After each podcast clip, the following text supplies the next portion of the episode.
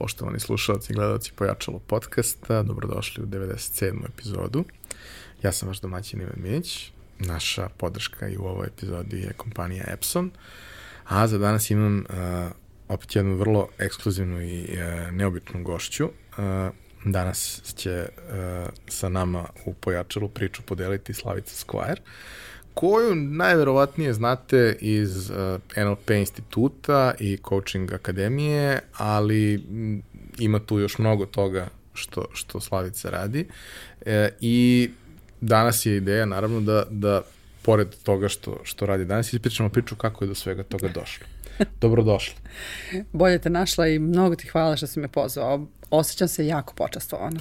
Pa nije što je moje, ali u dobrom si društvu trudim se da, da, da stvarno imamo uh, vrlo bez daljnje kvalitetne sagovornike i sve to, ali isto tako gledam da bude vrlo raznovrsno, da bi svako mogao da nađe nešto sa čime može da se asocira, a opet negde ponavljam to stalno, ali pokušavamo da, da, da motivišemo ljude da prate redovno šta, šta, pri, šta radimo i bez obzira na to da li možda ta specifična epizoda i gost i oblast iz koje je gost su im interesantni jer nikad ne znaš šta možeš da saznaš i kako to što saznaš može možda da se primeni u nekoj drugoj oblasti u, u kojoj si ti ovaj, negde aktivan. Tako da a, ti si negde, da kažem, kroz, kroz razne oblasti e, delovanja se razvijalo u prethodnom periodu, ali nekako naj, e, najbazičnije bih ja to posmatrao kao komunikaciju pre svega, a komunikacija je nešto sa čime svi mi ovde imamo jako, jako, jako puno problema i moj neki stav je da smo verovatno tu gde smo zato što uh, nismo baš vični komunikaciji, iako smo mi ubeđeni da smo u tome fantastični. A nekad je najveći problem što ne znamo šta ne znamo. pa da, uvek je to, uvek je to problem. Ili, e, što kažu ljudi, nije strašno kada nešto ne znaš, strašno je kada misliš da znaš. To je strašno, zato što onda ne možeš da naučiš. Da, da. I, i postoji ta negde reakcija gde, gde ljudi ovaj, ovaj, odbijaju bilo kakvu vrstu saveta i intervencije, jer oni znaju najbolje bez obzira što to verovatno nije uvek dobro ni za njih, ni za drugi. Ali, bože moj. A, kako bi ti ukratko a, predstavila ono čime se danas baviš? Uh, ukratko, ja učim u stvari ljude kako da upotrebe određene naučne metode, strukturirane veoma, da bi kreirali život i posao koji će da vole, u kome će da uživaju. Eto, to je najkraće što mogu da kažem. Lepo. E sad, e, ja sve svoje goste pitam u principu ista pitanja, jer nekako, mislim, nisu one ista, svaka, svaka priča je različita i kroz svaku priču se vodimo na, na različit način, ali početak je uvek isti. A početak je uvek šta si tela da budeš kad porasteš? Ovaj, e, u principu kada sam bila mala, svi su mi već govorili da sam ono star mala, znaš, kao da svima pametujem i da sve kao podučavam.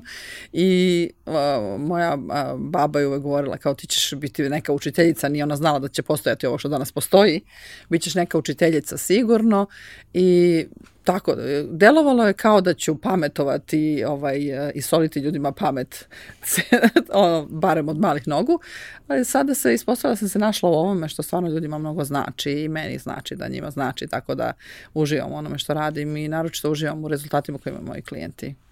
Uh, obično pitamo ljude to kad, šta su teli da budu kad porasti, kako se to menjalo kroz vreme, jer to negde obično daje indikacije ljudi koji su uspešni pokušavaju na neki način kroz, kroz život da dođu do onoga što ih zanima, da rade ono što, što vole i što žele. Ne mogu to uvek i ne može možda uvek od toga da se počne, ali to negde treba da bude ono čemu, čemu svi težimo.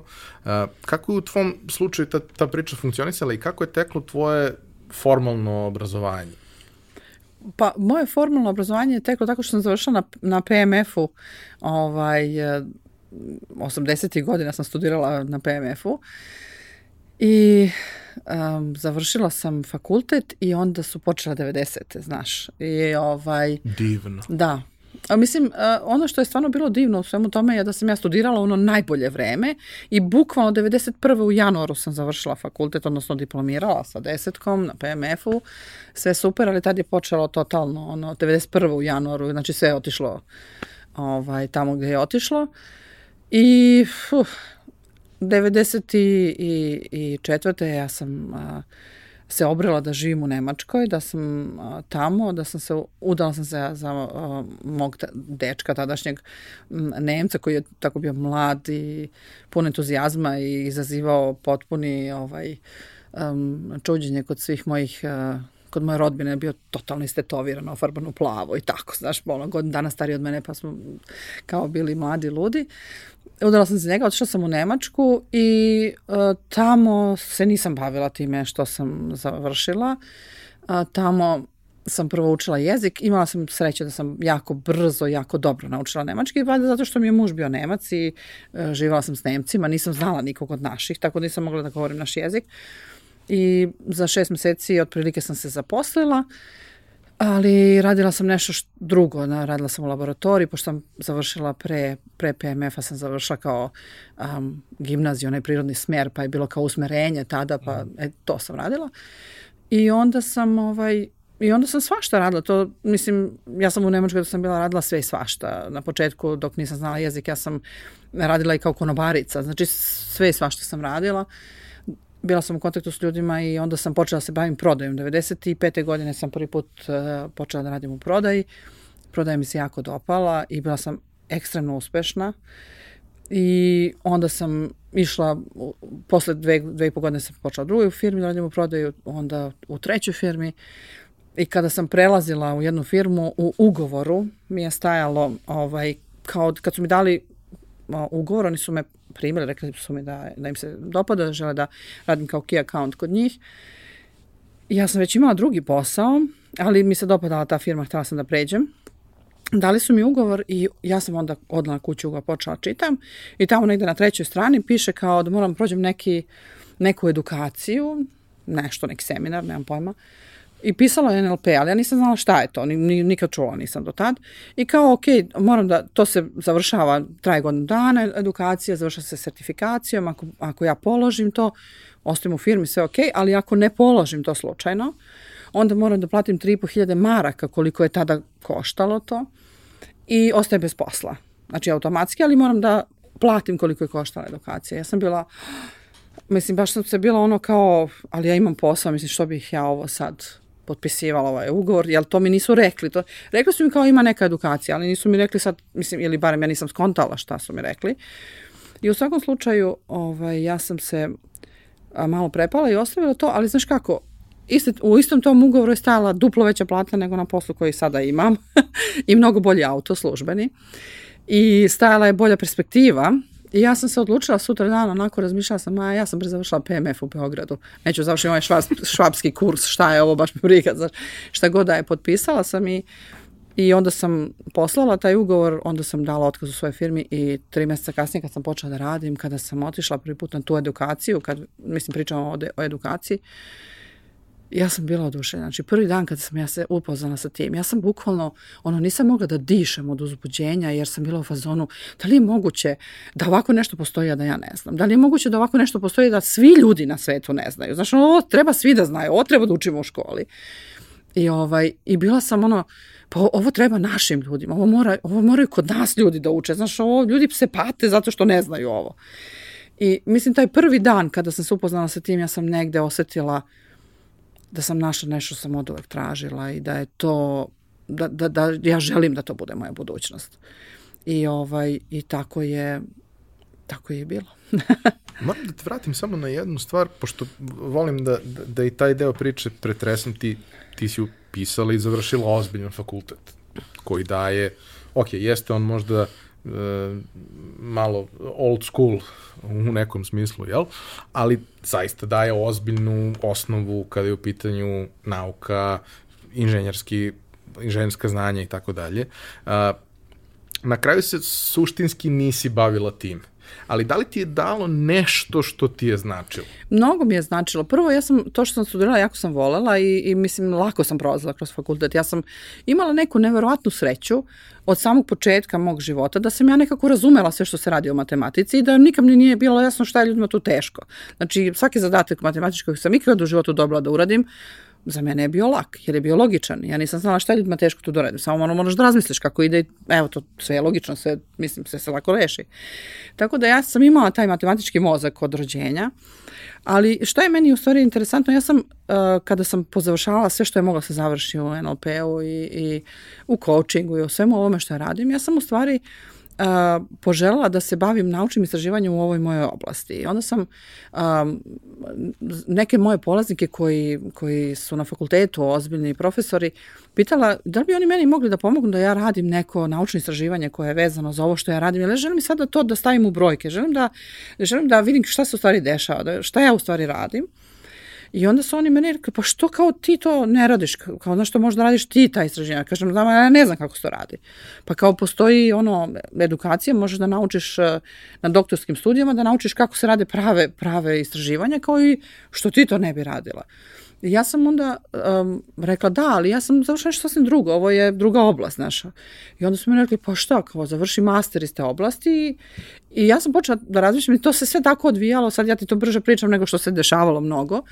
Ali u svakom slučaju ja sam uh, završila master iz ekonomije i u tome sam jako puno uživala, ja sam se u stvari bavila stvarima koje mene zanimaju. Znači ne direktno ekonomijom, nego behavioralnom ekonomijom.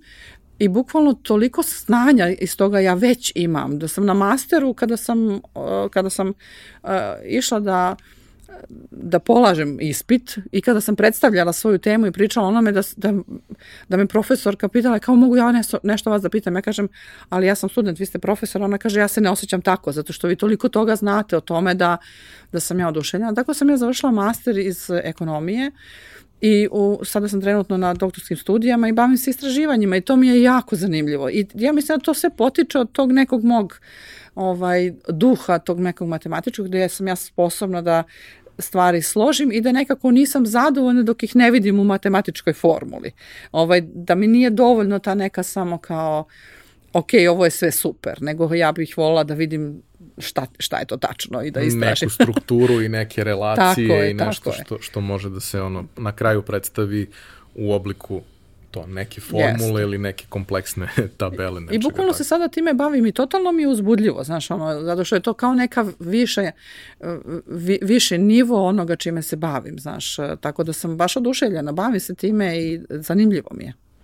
A, negde mislim da je, da je bitno da, da naglasimo i taj moment da i kroz pomenulo si sada i kroz taj deo formalnog obrazovanja gde si se ponovo aktivirala ali kroz neformalno obrazovanje, jer ovo što, čime se ti primarno baviš suštinski jeste neformalno obrazovanje, ovaj, koje ljudima menja živote, Absolutno. značajno utiče na njih, ali, ali jeste neformalno, a, da se ti konstantno usavršavaš već... 20 godina. Da. 20 godina, tačno. Od da. kako si prvi put došla u kontakt sa time, da ni u jednom trenutku nisi stala, a da se onda to sigurno prenosi na sve ostalo. Pričat ćemo naravno kako je, kako je izgledala priča dolaska ovde, pokretanja svega, ali kako je išla priča sa, sa tvojim usavršavanjem? Ti si dobila u zadatak da uradiš taj kurs i položiš to što treba, jer u suprotnom 3.500 maraka.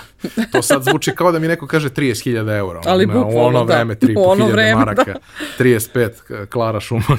ovaj, ali uh, ti si to prošla, uspela, zarazila si se tom pričom. Oduševila sam se stvarno. I kako je to sve izgledalo? Jer kao, to, to je u suštini, ne mogu da kažem da je bio početak toga, nije, ali je bio početak omasovljenja priča o NLP-u na, na, na nekom Pa znaš šta, u Nemačkoj, ja sam, mislim, bila šokirana, u Nemačkoj, znaš, postojalo, postojalo je tada već udruženje NLP trenera u kome je bi bilo 30.000 članova, znaš, i, i dalje ono postoji, ima još više članova. Ja nisam znala, ja, ja ni dan danas ne mogu da shvatim kako je to nisam znala, i, i, i, ali i danas ne razumem kako mnogi ljudi ne znaju da to postoji, jer to je toliko korisno, toliko je životno, toliko je potrebno, da je nevjerojatno. A ovaj, ali ja sam onda krenula stvarno na neki put usavršavanja, jer ja sam onda želela, prvo sam želela sve da naučim o tome što postoji, znaš, ono, kupila sam tonu knjiga, čitala sam knjige, a, u to vreme internet e, nije bio ko danas, mislim, bio, bio je prisutan naravno, ali nije to bilo ko danas i ja sam onda tražila gde mogu da nađem ko je, ko je onako najbolji na svetu, ko se bavi ovim pa ovim pa ovim i tako sam ovaj, kad pronađem jednu instancu gde odem i naučim nešto, tamo sam već otkrivala neku novu i onda išla dalje. Tako da u stvari ja nikad nisam prestala da se usavršavam i kasnije kada sam sve one ljude sve institute koji su najbolji, naj, najveća imena na svetu i stoga kada sam ih sve obišla, sve naučila, um, onda sam um, išla recimo da, išla sam kod Tonija Robinsa da učim i kod njega sam išla na tu njegovu biznis akademiju, to nije masovan njegov trening, tu ipak se ide onako prvo zbog, i zbog cena i zbog svega ostalog, jer deset puta više košta nego masovni trening. Ovaj, ali ono što mi je tu interesantno, na primjer, kasnije sam išla i da ponavljam. Ja sam, na primjer, neke, neke svoje edukacije, koje su klasične ove NLP edukacije, E, neko od njih sam završila sedam puta, odnosno osam puta umeđu vremenu. Sad zaboravila sam, pričala sam, ali sam skoro bila i na osam. Ja sam išla u različite institute da vidim kako oni rade. I to je ono što mene čini danas veoma specifičnom, jer ja imam jedna, jedan pristup koji nije u svetu viđen ovaj, to, toj metodologiji. Zato što sam ja sva ta znanja pokupila, osnova mi je ta metodologija koja je stvarno lepo strukturirana i koja mom matematičkom mozgu super odgovara da, da, da bude osnova, ali sam ja na to nadradila puno toga što nigde neće, neće se naći u tom uh, miksu, znaš.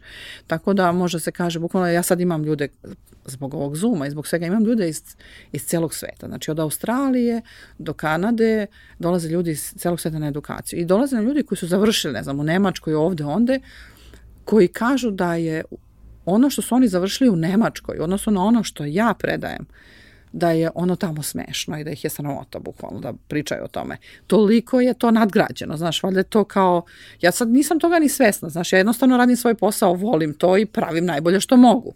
Ali, evo, pre, mislim, baš sam pod utiskom, pre neki dan smo imali neku sertifikaciju gde, gde je neko započeo tu priču, onda su svi dodavali to i onda je to trajalo neki sat vremena da su meni polaznici govorili, Slavice, ti nisi svesna šta ti u stvari radiš. Ovaj, a, polaznici iz celog sveta.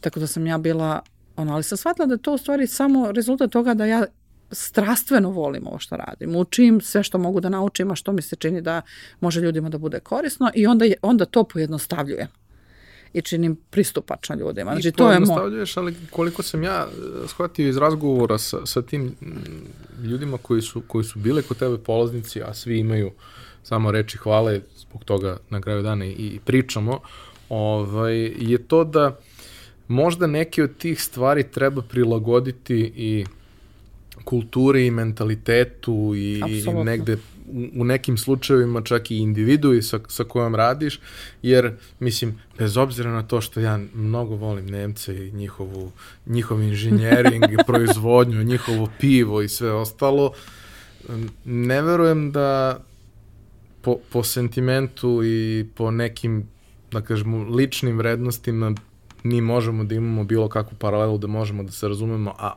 ove stvari, koliko ja to doživljavam, su duboko lične. Jeste. I zahtevaju neke, ti možeš to da radiš potpuno mehanički i to će i dalje da da rezultat.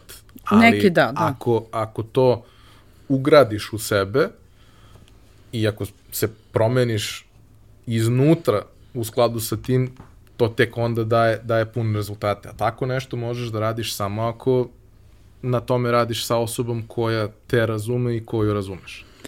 Šta, ja sam imala ogromnu sreću kao prvo da živim jako dugo u Nemačkoj, da živim sa Nemcem američkog porekla.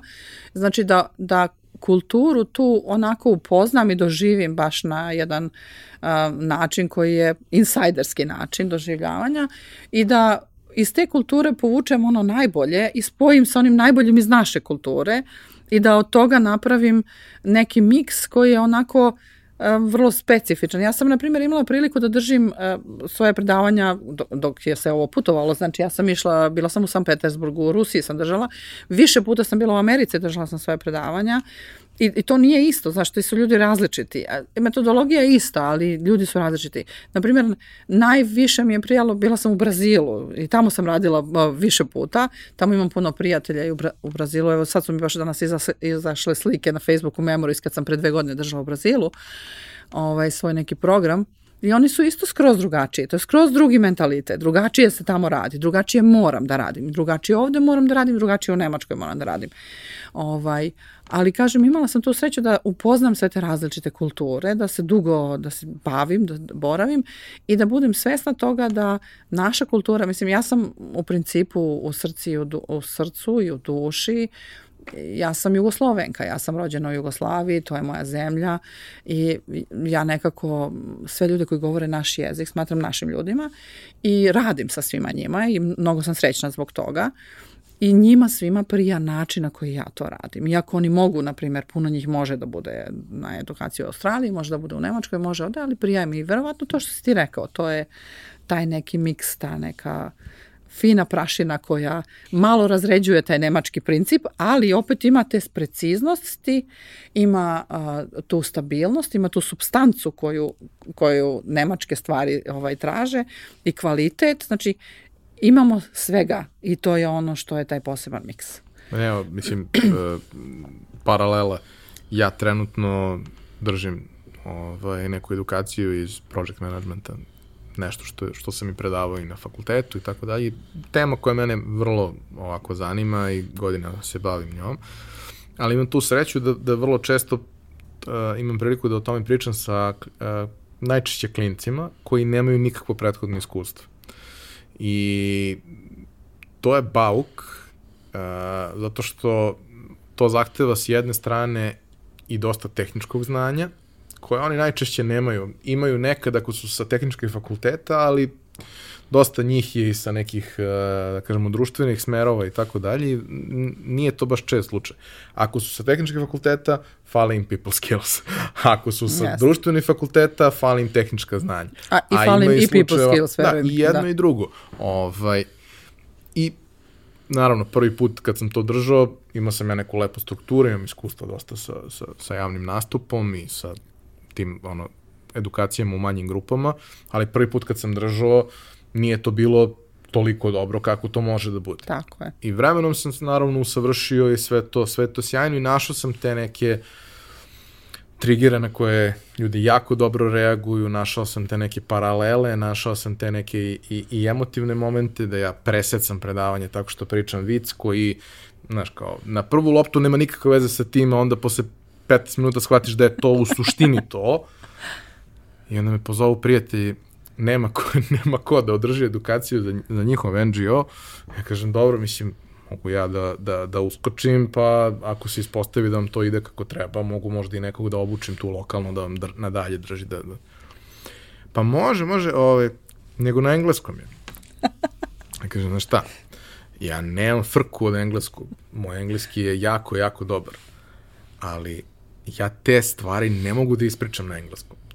Mislim, one će uh, faktografski biti tačne, ali ja ne mogu duh onoga što pričam da prevedem na taj jezik. Postoji mnogo stvari gde mogu da pričam u duhu tog jezika jer sam ih i učio na tom jeziku. Da. Ško, E, da, da pričam nešto vezano za, ne znam, računare, dizajn, nešto, pa ja sam ga na engleskom i učio, nemam na čemu drugom da ga ispričam. Mene kad pitaš kako se koristi telefon na, sa srpskim prevodom, ja kad ne znam, nikad nisam. Pogodio si bukvalno u srž kod mene, jer ja kad sam došla u Srbiju da radim prvi put, a, ja sam sve naučila na engleskom ili na nemačkom. Znači sve sam naučila ta dva jezika.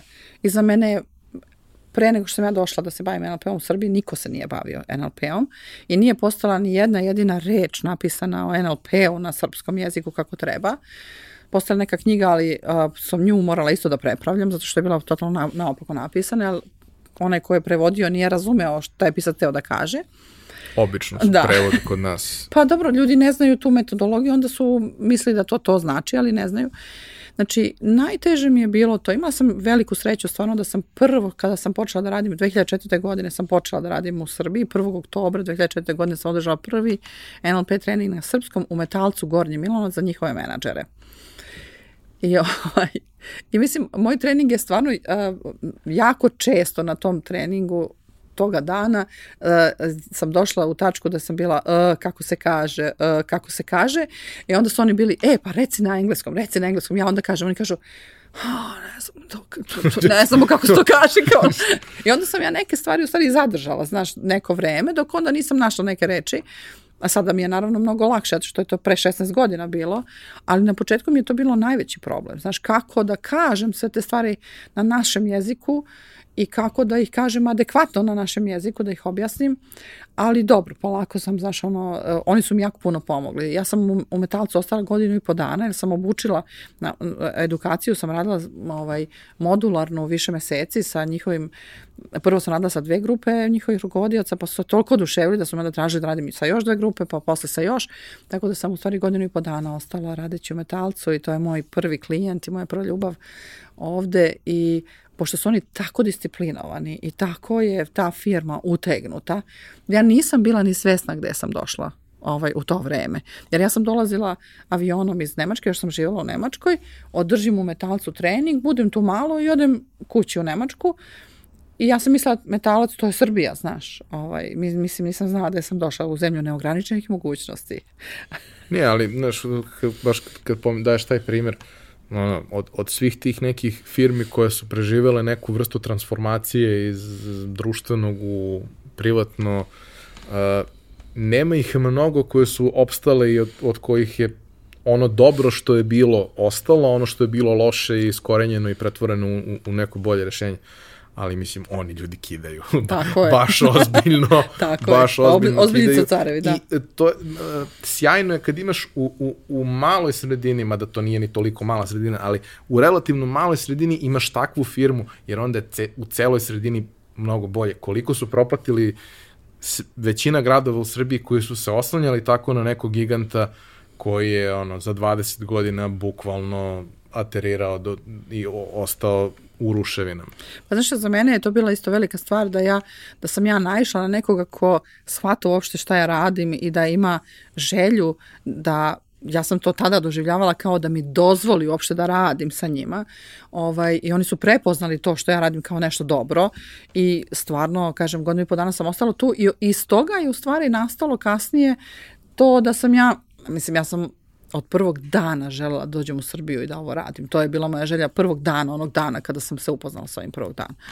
Ali um, to nije bilo lako. Znači, taj prvi dan i, i 1. oktobar 2004. godine, razlika je četiri godine, više od četiri godine. Uh, I, ovaj, I onda kada sam otvorila NLP institut je razlika dve godine još. Znači ja sam od momenta kada sam poželjala da dođem u Srbiju do momenta kada sam održala prvi otvoreni trening za ljude, jer u metalcu nije bio otvoren trening, prošlo je šest godina. Znači, danas ljudi nemaju strpljenja da ostvare svoje snove. Znači, nemaju strpljenja da toliko dugo rade na nečemu, ali meni je puno pomoglo to što sam naišla na njihovo razumevanje i što sam naišla na to da su se oni oduševili i da su im rekli da, meni su rekli da im je to izuzetno korisno, jer to je za mene bilo u stvari prilagođavanje onoga što sam ja naučila u Nemačkoj, primenila u Nemačkoj kao, jer ja sam jako brzo koristeći s NLP-om, ja sam u toj firmi postala direktor prodaje za jedan sektor i onda sam vodila jednu grupu ljudi i radila s njima po principima koje sam naučila. Imali smo fantastične rezultate. Ja sam njih učila to što sam ja radila kao rukovodilac tamo, znači otprilike šta, sam, šta je meni vršilo posla. I bila sam srećna da i njima vrši posla, znaš, zato što ja nisam znala kako je u Srbiji posle toliko godina odsustva, a u, u principu nikad nisam ni radila u Srbiji, znaš, završila na fakultet i radila sam na fakultetu i onda sam otišla i to je to, znaš, raditi na fakultetu i raditi u firmi nije jedna te ista stvar. Ovaj, tako da, sam bila srećna i oni su mi u stvari puno pomogli, te sam ja shvatila da to ima rezona da ja budem tu. I onda su njihovi prijatelji čuli da oni to nešto, znaš šta, u to vreme u Milanovcu, pošto ja inače iz Milanovca, znaš, tamo sam odrasla, završila srednju školu, u to vreme u Milanovcu su me zvali NLO, zato što, znaš, niko živ nije znao šta je NLP, razumeš, niko. Te, znaš, bukvalno niko nije znao šta je NLP. I, ovaj, i kako je sve počelo, u stvari ja sam 2006 e, oni su mi stalno govorili, pa kao, znaš, ja imam prijatelja, imam kolegu, imam ovoga, imam onoga, ko bi rado učio i sad, znaš, ja, ali ja nemam, ne, ne nudim nikakve otvorene treninge, nego samo da plati firma. Ovo neće, naša firma neće da sad uzme mene ili šta ja znam. I ovaj, ja sam posle, po preporuci bila u jednoj drugoj firmi, isto sam još radila, znači imala sam još neke druge firme u Srbiji, ali ono što je interesantno, kada sam otvorila institut, radila sam za jednu nemačku firmu ovde za njihove menadžere i jedan od njihovih menadžera, mislim da je zamenik direktora bio, kaže meni, ja, Slavice, znaš, ja sam bio na rođendanu nekom kao sinoć, recimo, mi imamo jutro modul, ono, radimo, i ovaj, i kao bio je sa nama moj prijatelj, on je urednik eh, novine Pres. A sa Slavica, znaš, živi u Nemačkoj poslednjih 100 godina, nema mi pojma da je to žuta štampa, niti šta je žuta štampa. Znaš, bukvalno ne znam. Znaš, ne gleda, ja, a tad je baš bila ekspanzija. A tad je baš bila, e pa ali ja to ne znam, znaš. I on ka, ja, me, meni to delovalo, kad je rekao pres, delovalo mi kao znaš, nešto ozbiljno fino, kaže, može kao da se, da, da uzme oni intervju od tebe, ja sam njima pričao, to je fenomenalno, došla neka žena iz Nemačke, znači mi smo svi oduševljeni, to je ludilo šta ti nama kao predstavljaš, šta radiš, koliko to dobro, i oni žele da naprave s tobom intervju. I ja kažem, pa dobro, može, ali pod jednim uslovom, ja kažem, samo da ja autorizujem tekst. I oni kažu, dobro, može, važi, naravno, sve okej, okay, znaš. I, ovaj, I ništa, ono, ja se nađem kao s tom novinarkom, ona žena mene lepo intervjuiše i, ovaj, i stvarno žena, ja kažem, me, jako mi je važno da autorizujem tekst, zato što je to nova metodologija, znaš da ne bude nešto pogrešno razumeno, kaže žena, nema problema, ja sam kao novinar, šta vam padne na pamet. I onda žena meni pošalje tekst, ja ti to autorizujem, o, vratim njoj sve lepo, ali ja sam neiskusna, znaš, bila. Ja sam, ja sam se dobra s njom da autorizujem tekst, ali ne naslov. Mm, znaš, bila sam jako neiskusna. Pošaljem ja svoju sliku, sve to bude fino, znaš. I, ovaj, i to je bude umeren, lep tekst, onako kako treba. Međutim, ona mene zove telefonom, kaže, ej, izašao vam je tekst danas u novina, možete da dodati na trafiku, ja u Milanovcu, znaš. Kaže, možeš da ono, ja mislim da bio ne, ne, možda ću da slagati, ali recimo četvrtak 27. maj 2006. godine, lupam sad, ako pogledam kalendar, možda će tako i biti, zato što je to traumatično iskustvo, pa možda nije tačno. odlazim, odlazim na trafiku, znaš, ovako i otvaramo pres i ovako, znaš, ono, kako otvaram, ono ovako, ovaj, sad ja to tražim i negde, ne znam nijade gde, ovako, da li je dvolisnica, šta je meni se učinilo jako veliko, ovako stoji moja slika, znaš, i slika Zorana Đinđića i gore piše veliki naslov. Manipulativna metoda bivšeg predsjednica konačno je stigla iz Nemačke u Srbiju. Jo, Ivane, znači,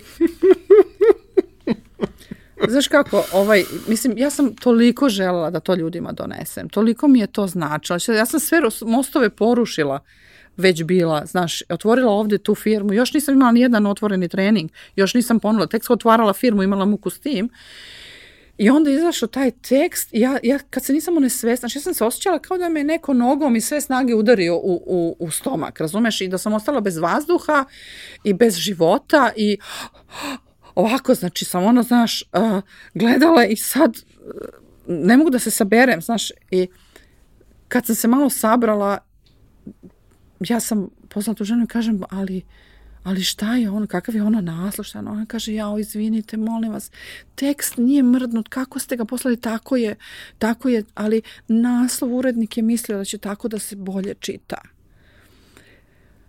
I znaš šta je najgore? Što se stvarno čitao. pa Odnosno, to je najbolje. Jer da je objavljen kako sam ja mislila, vratno ga niko ne bi ni primetio. I ljudi su čitali, znaš, i tako sam ja u stvari napunila prvu grupu otvoreni trening ovaj, u Srbiji prvi otvoreni trening na koji je došao uh, i, i profa koji je moj sad kolega sa kojim koga obožavam mislim uh, on je na prvi prvi došao razumeš i još uvek smo zajedno tako da je to bila uh, velika sreća u nesreći ili ti kako jedan moj učitelj uvek govorio o tom best a nekada su okolnosti pametnije od nas. Znaš, i tada sam naučila da su okolnosti nekad stvarno pametnije od nas i kad se nešto loše desi da se uopšte ne uzrujavam, nego da čekam da vidim šta će mi dobro doneti, znaš. To mi je bila ogromna lekcija. Uh, Ovaj, ali je za mene bila isto i lekcija dobrodošlice u Srbiju. Naš Slavica ne zna šta je žuta štampa. Slavica je pala kos Marsa iz Nemačke. Još uvijek ni pala nisam, ja još uvijek živim u Srbiji, a otvorila sam firmu. A otvaranje firme, to da ti ne pričam, kad sam otvorila firmu i sad otišla kod knjigovođe i kaže meni knjigovođe kao, e, kao, tu ima pečatorezac, ja sam ti naručila pečat, kao, posle idi da uzmeš pečat. A ja kažem, ma ne, treba to meni, kao, znaš, ono, nema veze, zovite to, kažite mu da mi, ne pravi, ne treba mi pečat. Pošto ja imam firmu u Nemačkoj sa kojom sve vreme poslujem u Srbiji, mislim, plaćaju me metalac i ostali na firmu u Nemačkoj i ja tamo nemam pečat, jel ti to ne treba, razumeš? I ovaj, ali ja ne razumem da on, ona kaže meni, ona me gleda totalno šo, šokirana žena, kao gledam ovako kao da nisam normalna, znaš. Gledam ovako, kaže meni, ustane od onog svog stola gde je sedla, kaže meni, ajde sedi tu srce da ti skuvam kafu pa da ti nešto objasnim. Može misli kako sam ja, ja sam tad bila kao burek. Zoveš u svemiru. Ovaj, bukvalno. I ovaj, žena meni kaže ovako, samo da ti kažem, taj, taj pečat ćeš morati da nosiš oko vrata, znaš da god da pođeš. A ja šokirana je gledam, kao čemu ova žena priča. Mislim, to je bilo jedan od tih susreta sa Srbijom. Mislim, te ne, tih nekoliko stvari koji su bili moj prvi susret sa preduzetništvom u Srbiji. Ali dobro, preživela sam. Evo, već sam ovaj, 14 godina preduzetnik u Srbiji. A, taj sam početak je uvek izazovan i verujem da to što, što je bilo traumatično sa medijima je zapravo dobro zavrtelo priču na Jest. startu, no. ali od toga ne bi bilo ništa da zapravo nije, nije nastavio da se širi dobar glas i od tih treninga koje su, koji su držani pre samog otvaranja instituta, a onda i od ljudi koji su polaznici. Jeste. I, I dan danas, iskreno, kao neko ko to posmatra sa strane, a opet je prilično blizu, jer se i mi znamo dugo i ja znam dosta ljudi koji su, koji su polaznici bili, Uh, verujem da je najveća vrednost koju ste izgradili ta zajednica izuzetno zadovoljnih ljudi koji su nastavili da, da ulažu u sebe kroz, kroz razne vrste edukacija i kroz NLP i kroz druge stvari koje su, koje su nakon toga radili, jer je većini njih to napravilo neku promenu. Nekome možda nije bila neophodna velika promena ali i male stvari na dug rok prave veliku razliku. Apsolutno, znaš kako, ja uvek kažem mojim polaznicima, znaš, znanje samo po sebi nije, nek, nije ovaj, nema moć koju ljudi misle. Znaš, nije znanje moć, primena je moć. Znaš, mi možemo njih da naučimo puno toga, ali samo oni koji primene naprave stvarno razliku u svom životu. I mi imamo zaista ljude koji su primenili ono što su naučili i napravili od svog života preokret, znaš, onako bukvalno kao da su se probudili i preokrenuli, eto. A, kaži mi, da kažemo, taj neki početak kada ti postavljaš ovde celu priču, dolaziš na, na teren gde je to što planiraš da radiš nepoznato. Totalno nepoznato, znači wasteland. Znači moraš da, da izgradiš i prepoznatljivost, kažem, u nekom trenutku u budućnosti postaje to i prepoznato, dolazi i konkurencija i tako dalje, ali, ali suština je taj neki start, prvo je neprepoznato, a drugo mora da se počinje od, od osnova i mora da se počinje od nekih vrlo bazičnih stvari. Kako si ti strukturirala to na startu i onda kako se priča razvijela vremenom? Sada je to vrlo razgranata priča sa raznim edukacijama u nekoliko oblasti, Jeste, jeste. Ali kako se ona širila, od čega je krenula i kako se onda, čini mi se, organski širila kroz, kroz potrebe ljudi koji su polaznici. Pa znaš kako, ono što je bilo meni jako važno na samom početku, ja sam ovaj, forsirala taj NLP u stvari um, program, uh, odnosno metodologiju, uopšte to kao brand, kao NLP institut i ovaj, uh, I žela sam zaista da ljudi upoznaju tu metodologiju i jako sam puno radila na kvalitetu. Znaš da, da kad, ja sam bila u fazonu, sam toliko žela da kad oni dođu, znaš da se oduševe, da stvarno oni koji dođu odu i kažu wow, znaš šta je ovo. Ovo, to je meni jedan polaznik koji je sad na izuzetno visokoj poziciji u, u Srbiji na jednoj, u jednoj kompaniji rekao ja kad sam prvi put bio kod tebe Slavici, ja sam seo u svoj auto, otišao iza, iza krivine znaš tamo da smo bili gde je bila iza krivina, kaže, ja sam se ovako uhvatio za glavu i rekao sam, šta je ovo? Znaš, šta je ovo? Kao, ovaj, ja sam stvarno žela da oni dođu da se oduševe i da stvarno vide kako mogu to da primene i kako može da im učini život lakšim i boljim. Ovaj, i, I mnogo mi je stalo, znaš, do toga bilo. Ja mislim da je to bilo, bilo ključ. Ja, ja sam došla sa idejom, znaš, da je to moja misija nekako, znaš, nije to kao sad nešto, to nije moj posao, to nije moja preduzetnička ideja, ne, ja sam došla sa idejom da to donesem ovde ljudima, da, da, i da kad dođu, kad već nekako dođu, znaš, da se oduševi, da idu da pričaju i da budu primer, da ih drugi pitaju šta se tamo dešava, znaš, i tako u stvari i, i bivalo. I onda se to tako šilo, znaš, ovo je rekao ovome, ovo je rekao ovome, ovo je rekao ovome, ovo je rekao ovome. I deset godina smo mi u principu uživali na neki način samo od tog uh, od usta do usta, od, eh, ja, ja nis, nisam bavila marketingom, nisam, znaš, bila sam u fazonu, ja, meni je važno da ja radim najbolje svoj posao, jer čemu marketing, ne možeš imati dobar marketing, a džubre od proizvoda i to je najbrži način da propadneš u stvari. ali je dobro imati jedno i drugo, znaš.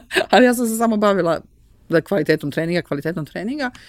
I, ovaj, I tek negde pre, pre šest godina kada je došao moj sadašnji partner u moj život, on je prvo došao na edukaciju kod mene, a, oduševio se time, onda smo mi počeli da izlazimo i onda smo počeli da budemo zajedno, on je meni rekao, aman žena, ovo treba da znaš što više ljudi. Kao, znaš, on je meni u stvari otvorio oči. On me rekao, ti radiš već 10 godina ovde. Koliko je ljudi prošlo kroz tvoje edukacije? Ja kažem, po otprilike nekih, ajde kažemo kroz neke malo um, veće edukacije, prošlo je otprilike 2000 ljudi.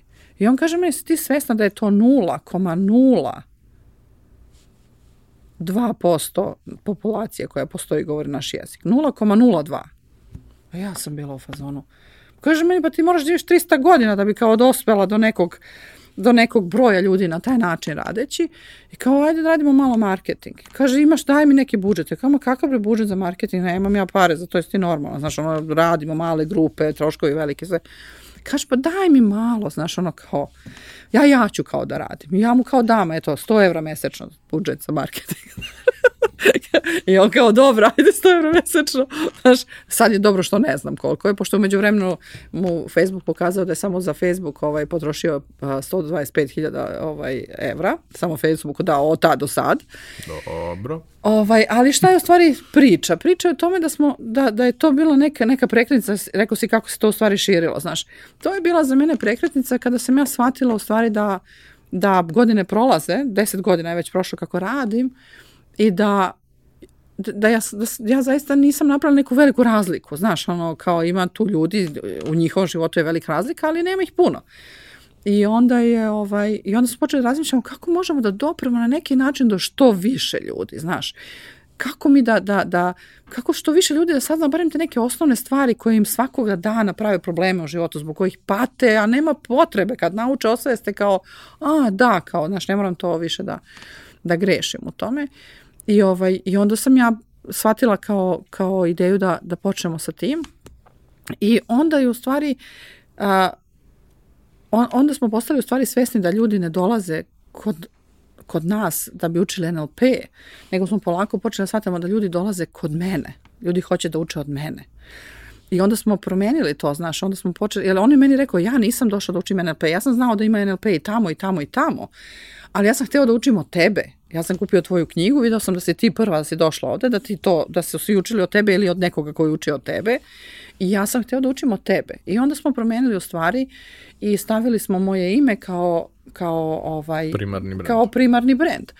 I to je bila naša, na, naša neka priča koju smo proširili, ali onda kada smo stavili to kao primarni brend, onda smo se u stvari oslobodili tog kurikuluma NLP-a, znaš, onda smo rekli pa čekaj, onda mi možemo i da napravimo edukacije koje su prijemčivije mnogo većem broju ljudi, znaš, manje neke stvari na koje će ljudi doći, možda neće da uče ceo NLP koji je po kurikulumu takav i takav, nego mi ćemo da stavimo NLP u kontekst, u, u, u određene teme životne, znaš, koje ćemo da ponudimo. I, ovaj, i to je bila prva stepenica, druga ste, odnosno prva stepenica našeg širenja i nekako da, da to međunarod donesemo, a druga stvar su bile online edukacije. Mi smo počeli pre tri godine da radimo online edukacije, pre korone, hvala Bogu, jer smo, kad je došla korona, mi već bili iskusni u radu sa online edukacijama. Meni je isto ovaj, to, to moj muž, moj Milan, on je govorio kao moramo da radimo online edukacije, moramo da radimo online edukacije, ali ja nisam bila konforna s tim, znaš, pred kamerama, da ja stojim i da radim i šta ja znam. I nekako sam ja sebe naterala, on me naterao, znaš kako je to već, ali ljudi su toliko bili, znaš, to, toliko bili blagorodni, oduševljeni, zato što, znaš, ne mogu svi da dođu, ne mogu, zato što su daleko, nemaju novca, nemaju mogućnost da sebi priušte da dođu, prate me odande, odavde i onda su te online edukacije bile jedna stvar, pa prošle, prošle godine sam, prošle godine sam bukvalno počela da radim YouTube, prošle godine u maju sam počela to, I onda smo počeli sve više besplatnog sadržaja da dajemo. Znači, tako da, jer smo shvatili u stvari da, znaš, da to što mi znamo, mi imamo dužnost da, da, da, znaš, da što više ljudi dopre do toga. To je bila moja želja, zbog toga sam došla ovde, znaš. I onda smo rekli, evo kako će to? Pa radit ćemo, puno ćemo davati besplatno. Evo sad, na primjer, imamo ovaj novogodišnji program 21 dan besplatno NLP predavanja koje ćemo držati ja i moje kolege sa NLP instituta Znači, nama se prijavilo bukvalno za nedelju dana 8000 ljudi. Mi smo mislili da ćemo imati na celom tome možda 2000 ljudi. Mi imamo još vremena za prijavljivanje. Mi ne možemo da savladamo. Meni tim radi danju i noću. Da te ljude ubaci u grupu koje treba da budemo. Znači, 8000 ljudi, znaš, a, za nedelju dana i bit će ih verovatno 10.000 ili će ih biti 15.000, nemam pojma koliko će ih biti, ali ja ne znam kako ćemo mi to savladamo, znaš. Ali sam mnogo srećna. Ja ću imati priliku tokom praznika da ono što je meni mnogo u životu značilo i mnogim mojim klijentima, da pokažem ljudima iz celog sveta koji govore naš jezik i oni ne moraju ništa za to da plati, ne moraju nigde da dođu ne moraju ništa. I mnogo sam srećna da sam u mogućnosti da imam tim koji stoji iza mene, koji živi tu moju misiju, kome nije teško. Mislim, nije im ni lako, ali oni to, znaš, nije im lako, ali oni, oni su srećni. Znaš, mi imamo grupu koja se zove 21 dan na, na Facebooku. Ti ljudi rade dan i noć da bi omogućili to, znaš. To, to ja ne, ja ne postoji pare kojima to možeš nekoga da platiš, znaš. Moj tim je fenomenalan i tako da ja ne znam, ono, znaš, meni se ostvario svaki san u životu sa tim, razumiješ, da imam divan tim koji me prati i danju i noću i subotom i nedeljom i rade non stop i ovaj, to, ja njih plaćam, ali kažem ti, to ne može novcem da se plati, to je ljubav, to je, to je, znaš, ono, kako ti kažem, svrha, misija, nešto, njih pokreće nešto mnogo više od, od novca kojim ih ja plaćam. Dakle, sam mnogo srećan zbog toga. A znaš šta, često, često pričamo na te teme ovaj, i, i sa kolegama i dobar deo njih isto znaš, neki su i prošli kroz, kroz tvoje Jeste. obuke. I kao, a što vi delite znanje besplatno? A što da ga ne delimo? Pa da, jer možemo. Pa kao, znaš, ali to su potencijalni klijenti. Nisu Možda nisu, možda jesu. klijenti su oni koji to probaju, vide, Tako nauče je. dovoljno da dođu u poziciju da možda mogu da te angažuju. Ako si im dao vrednost, tebe će angažovati, ali nećeš uzeti novac nekome koji je u poziciji da mu je to nešto od čega ne može da se odvoji, naplatit ćeš svoju uslugu nekome koji je već ojačao dovoljno i uz tvoju, i uz pomoć kolega, i uz pomoć raznog drugog znanja koje je danas na raspolaganju, i onda će on želeti da ti da, i želeći da ide na naredni korak sa tobom. A taj prvi, ta ulazna barijera koja ljudima ovde zbog, zbog standarda i zbog svega, svakoj vrsti edukacije je vrlo visoka, daćeš mu mogućnost da prođe taj korak bez da potroši neki, neki značajno. Što i sad je i ova korona, mnoge ljude, znaš, i ona kazila i nemaju novca i nemaju ničega, a mi možemo, znaš, ti ne možeš da veriš, ne može ti ja sam, na primjer, do sada se u grupi predstavilo, znači ono napisalo nešto o sebi, zašto su tu i kako, znači predstavilo se oko 2500 ljudi. Ja sam 2500 predstavljanja pročitala ja, ja sam ih pročitala sve. Znači, moj tim je svako to predstavljanje pročito. Veruj mi da, da svakoga dana e, neko kaže e, da se rasplakao. Znaš, razumeš, to, to nema cenu šta mi u stvari dobijamo. Kada, kada oni nama pišu da su gledajući moje YouTube video, uh, radeći naš uh, letnji izazov koji smo imali pre par godina besplatno, uh, druge izazove koje smo imali besplatno, da su oni radeći te stvari besplatne, promenili svoj život, našli, ne znam, bolji posao, ohrabrili se na neke stvari i pišu nam to ljudi. Znaš, mi se rasplačemo, evo meni sad, znaš, ono, mi se stvarno rasplačemo, jer to je nešto, znaš, da li će da kupe, pa koga boli uvo da li će da kupe, znaš, važno je da, da im je fenomenalno, kupit će kome treba i ko može, znaš, ali ima ljudi kojima treba, a ne mogu, eto. Na neki način kad utičeš na, na, na živote toliko ljudi, to stvarno ovaj, preplavite emocijama, imali smo prilike to i da vidimo sad. Da. Ovaj, ali to, to je potpuno normalno i to je potpuno okej. Okay. E sad, uh, voleo bih, uh, pošto mi do sad nismo nikad pričali o tome u, u pojačalu. Bilo je gostiju koji su prošli tvoju edukaciju, koji su pomenuli u nekoliko navrata NLP ili, ili neku od drugih metodologija koje su koristili. Međutim, mi suštinski se nikad nismo bavili time ovde. A, volao bih da, pošto sve vreme govoriš na način, ja sam tela to da donesem ovde, ja sam tela ljudima da pokažem to što sam naučila, mene je to ispunilo toli, sa toliko emocije i sa toliko ono, energije i svega i reakcije ljudi. Šta je to? Kako to izgleda? Odnosno, šta su te neke stvari od kojih si ti krenula i šta je ono što pokušavaš da, da preneseš svojim, svojim polaznicima? Pa ključ je u stvari, znaš, možda najjednostavnije rečeno je to, to potpuno jedno shvatanje da, da je moj život moja stvar i da ja mogu da uzmem svoj život u svoje ruke i da to uzimanje mog života u moje ruke ne znači samo da kreiram svoju budućnost, nego da mogu da vratim se i u prošlost i da ono što mi predstavlja teret, da se rasteretim, znaš, da iskoristim neke metode koje će mi pomoći da neke događaje iz prošlosti koji mi, na primjer, oduzimaju danas samopouzdanje, koji me koče, uh, izazivaju mi strahove da idem dalje, znaš, da idem nešto, jer eto tad je bilo tako, pa eto bolje sad da ne i šta ja znam, ili de, de sam dobila neka uverenja koja su mi kočnica u životu, koje su mi kamen oko vrata, da mogu da poradim na njima na određeni način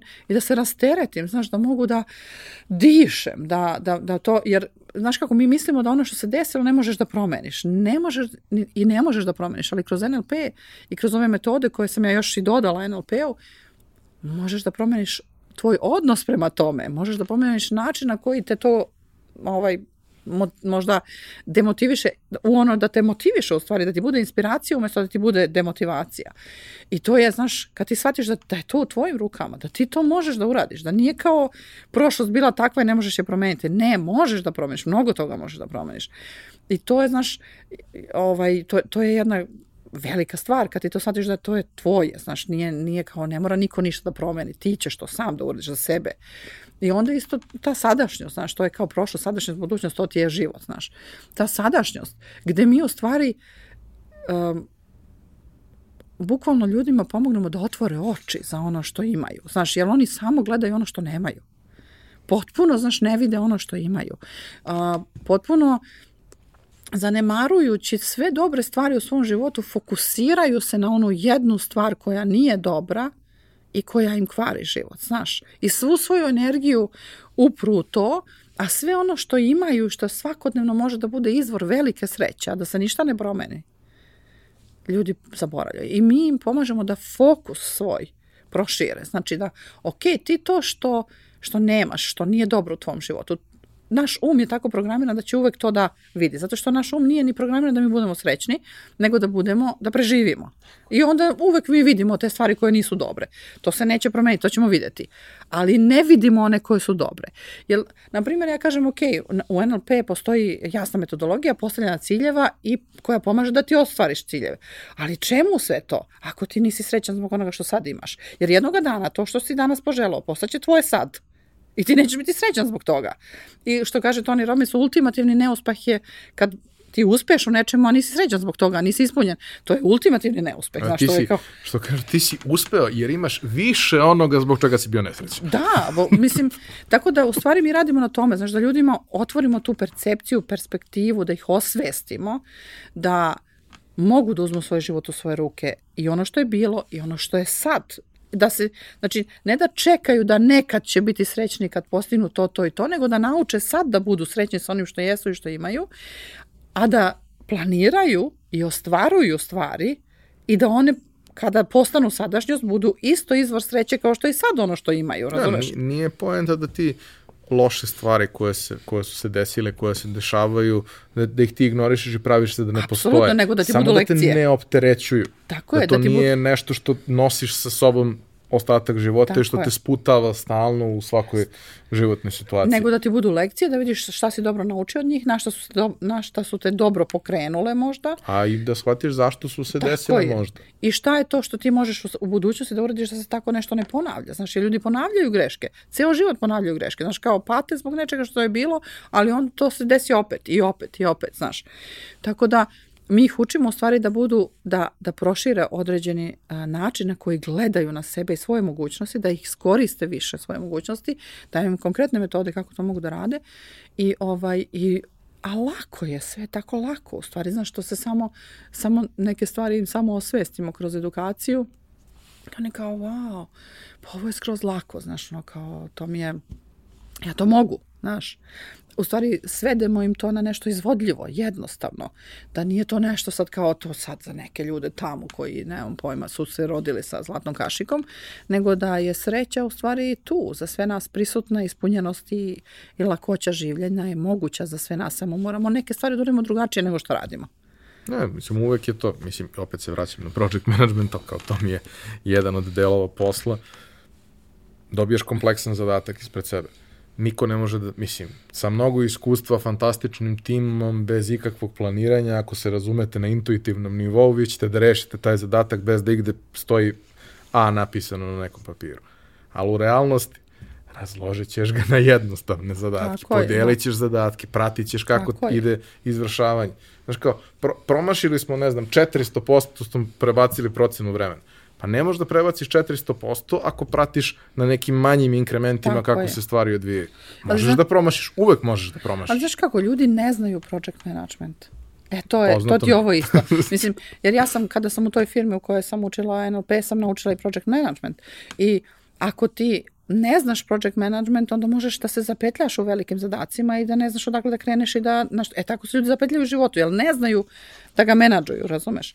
Ili ako znaš, a ne koristiš, I toga ima, znaš, i znaš i sam, znači ti naučiš ljude, oni znaju, ali ne koriste u praksi, ne koriste to. I to je isto i ovde, može se desiti da neko dođe i nauči nešto, ali ne koristi u praksi. Zato im kažem, znanje nije moć, to što je, znam, kao ljudi mi kažem, ah, znam ja to.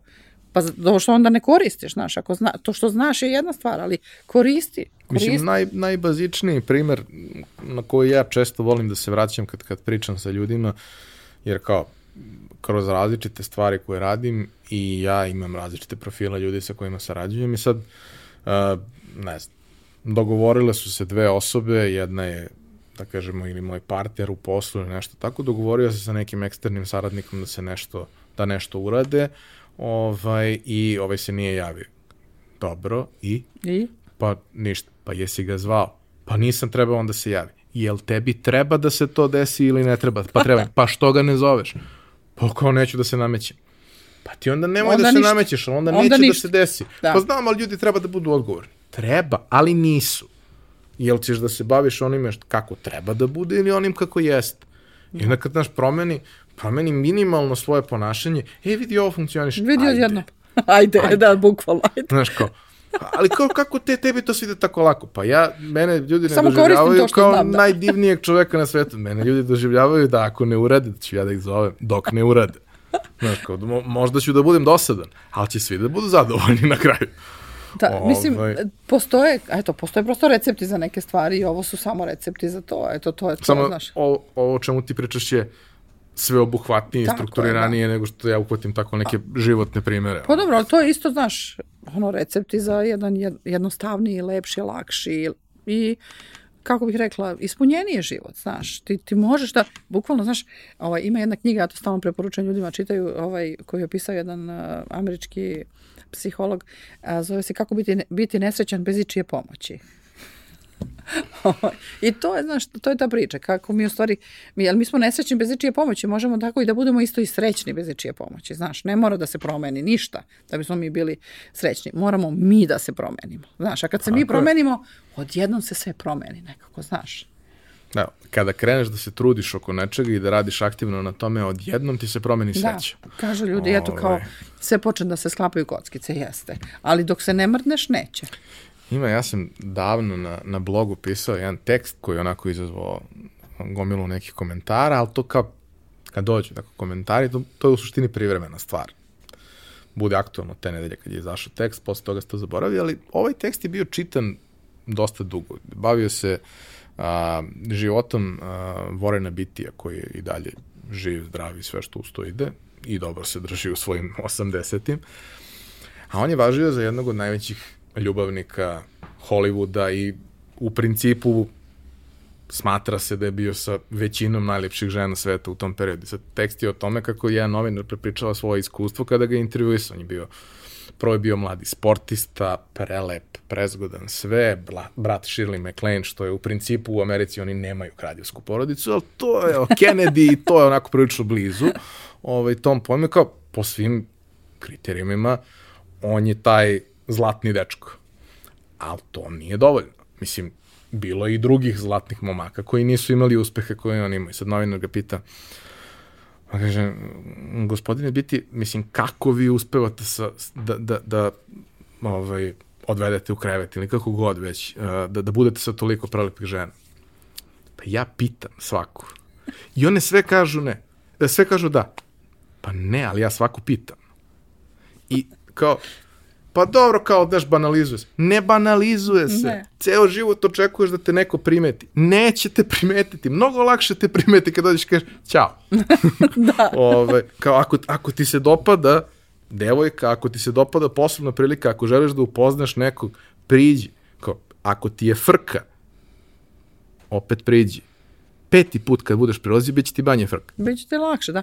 Pa Znači, jednostavno postoje neka pravila, znaš, za, za postizanje uspeha, pa i u tim stvarima, ali, znaš, u svemu, znači, to su neka pravila, to je nešto što može da se prenese i na život, ako hoćeš nešto da postižeš, kreni da radiš. Znaš, mnogi ljudi tako sede kao oni bi volali nešto u životu, ali, i onda imaju svoje neke ali, znaš, kad krenu sa tim ali, pa to nikad kraja, znaš, ma uradi nešto, pa nek ide život, znaš, ono, kako bi bilo da nešto se podigne, podigne ovaj zadnji trap i da se nešto uradi, pa sad, znaš, ovaj, jer, znaš kako, ljudi kažu, ja, znaš, Oh, ljudima je, znaš, ovaj, Srbija kriva za sve, znaš. To je poznato, Ono, na, poznato, da. Ja o- obično kažem, pa nisi drvo. Ako ti Srbija smeta, znaš, nisi drvo. Drvo ne može nikud. Tu je posađeno. Gde je, ne može nikud.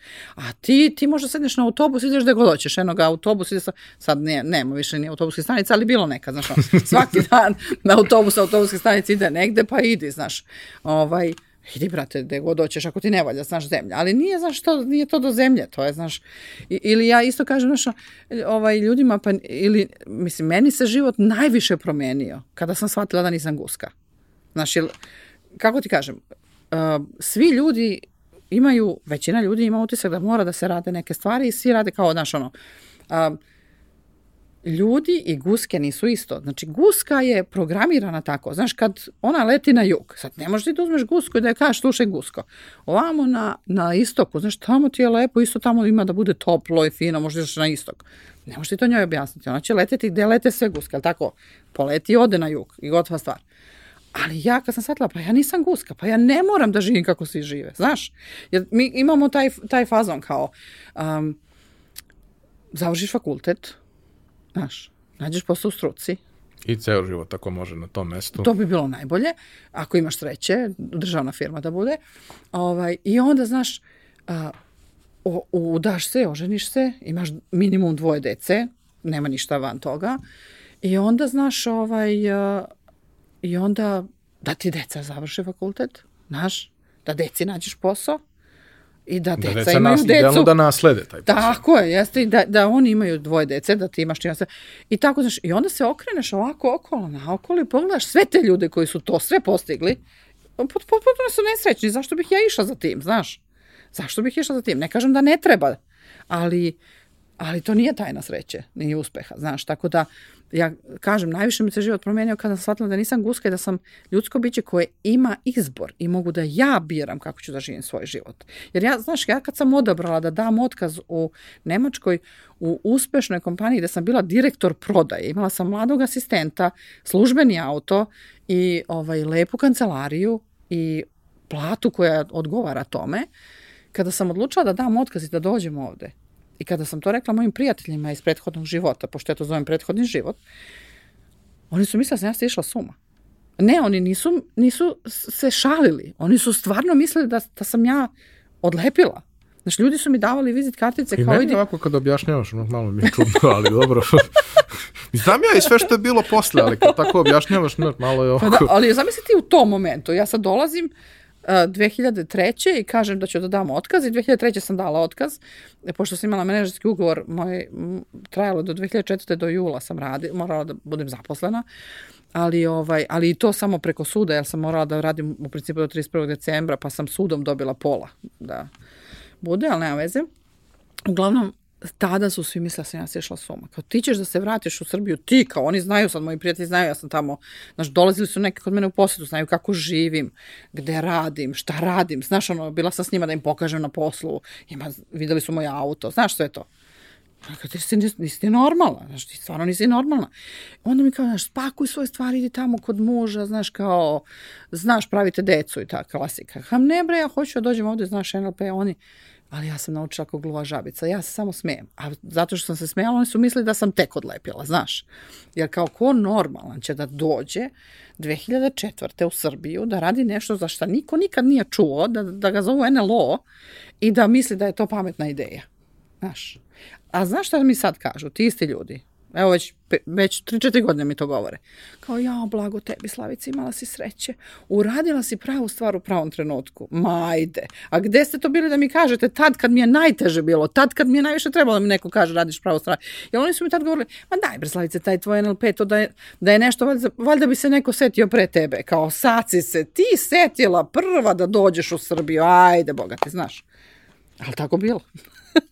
Ma dobro, mislim, znaš kako, e, postoje, postoje određeni broj ljudi koji biraju gde će da žive zato što žele da žive tamo i žele da žive u određenim okolnostima i imaju posao koji najčešće mogu da rade bilo gde i mogu da naprave taj izbor za sebe. A ima i dosta veliki broj ljudi koji je otišao odavde iz raznih drugih razloga u onom nekom periodu koji je bio i najteži, koji su otišli odavde potrazi za nekim boljim, boljim i lepšim životom. I, Što i dalje rade, da, i, i dalje, dalje odlaze. Rade, da. I, i, I dosta ljudi je pronašlo neki, neki bolji život tamo i sve, sve to okej, okay, ali ono što sam ja negde malo razmišljao i pričao i tako dalje, ono što sam shvatio, da dosta tih ljudi kada je otišlo, prvo, najčešće su otišli uh, negde gde nemaju nikog. Ili da. imaju nekog, ali to nije dovoljno da ti kao imaš ko što ovde uvek možeš, što uvek možeš da vratiš kod roditelja. I, i Na kraju da krajeva, da. Biće za još jedan tanjer sarme i nije bitno. Ovaj, tamo nemaš to, tamo nemaš, tamo si niko i ništa i samim tim nemaš uh, to nešto što te uljuljka ovde, nemaš uh, te blokade koje kažu uf, ja ne bih to da radim, radit ćeš sve što je pristojno dokle god je to novac koji ti omogućava da, da opstaneš, da produžiš tu priču tamo, radit ćeš na tome da to bude i bolje, ne, ne želiš da ceo život budeš baštovan, ali ćeš krenuti od toga, nećeš imati problem sa tim. Ovde ćeš imati problem sa tim, zato što će ovde ceo tvoj kraj, celo tvoje mesto da ti govori da si propao u životu zato što si baštovan. Mislim, ok, ovde i nema takvog posla toliko, ali mnogo smo negde, uh, mnogo se lakše oslobodimo kad odemo negde gde nema uh, pritiska okruženja kad je to u pitanju. Si probao nekada da nađeš baštovana? Nisam, nemam zašto. Vidi, ja jesam. I? Deset godina imam terasu za koju nisam našla baštovana. Pa, probamo da nađemo po Nemačkoj i Holandiji. Čuo sam da ih ima dosta tamo. Kad god hoćeš nađeš, znači ne možeš. Tako da kod nas, znaš, ljudi neće, eto to je to, znaš, ljudi kažu kod nas kao nema posla, znaš. Ja, sam, ja se sećam još od moje babe koja je govorila za budalu ima posla i na Božić. Znaš, kad hoće neko da radi, može da radi na Božić i, i na badnji dan. Ovaj, uvek ima posla, svuda ima posla, samo neće ljudi da ga rade, znaš. Ovaj, ali poenta je u tome, znaš, da ljudi neće nekad ni da rade ono što ne vole. Ja se sećam, na primjer, kada sam ja živjela u Nemačkoj, ja sam stalno imala taj osjećaj. Um, za sve te poslove, ja sam jako volila prodaju, ja i dan, danas radim prodaju, volim prodaju, znaš, to mi je lepo. Ali ja sam i, i, i uvek imala taj osjećaj da je to nešto uh, prolazno u mom životu da to, je, da, da, da to nije to, znaš. Onoga dana kada sam upoznala NLP i kada sam počela da radim NLP, bez obzira što je jako teško bilo na početku, znači jako teško, znaš, niko ne zna, niko to je da jako, niko, ma niko ne želi znaš, da dođe na te edukacije, koje edukacije, ne, ja ne znam ni kako dođem do tih ljudi, znaš, ej, 2004. 5. 6. 7. Znaš, nije bilo Facebooka srećom, i svega. Srećom taj članak u novinama. srećom taj članak, bukvalno srećom taj članak u novinama. Pa 2006. godine ovaj, ja sam u junu održala taj prvi trening i počela tu sa prvom grupom da radim. U drugoj grupi mi je došao istok. Znaš, možeš misliti koliko su to avangardni bili ljudi koji su dolazili tad. Prilično.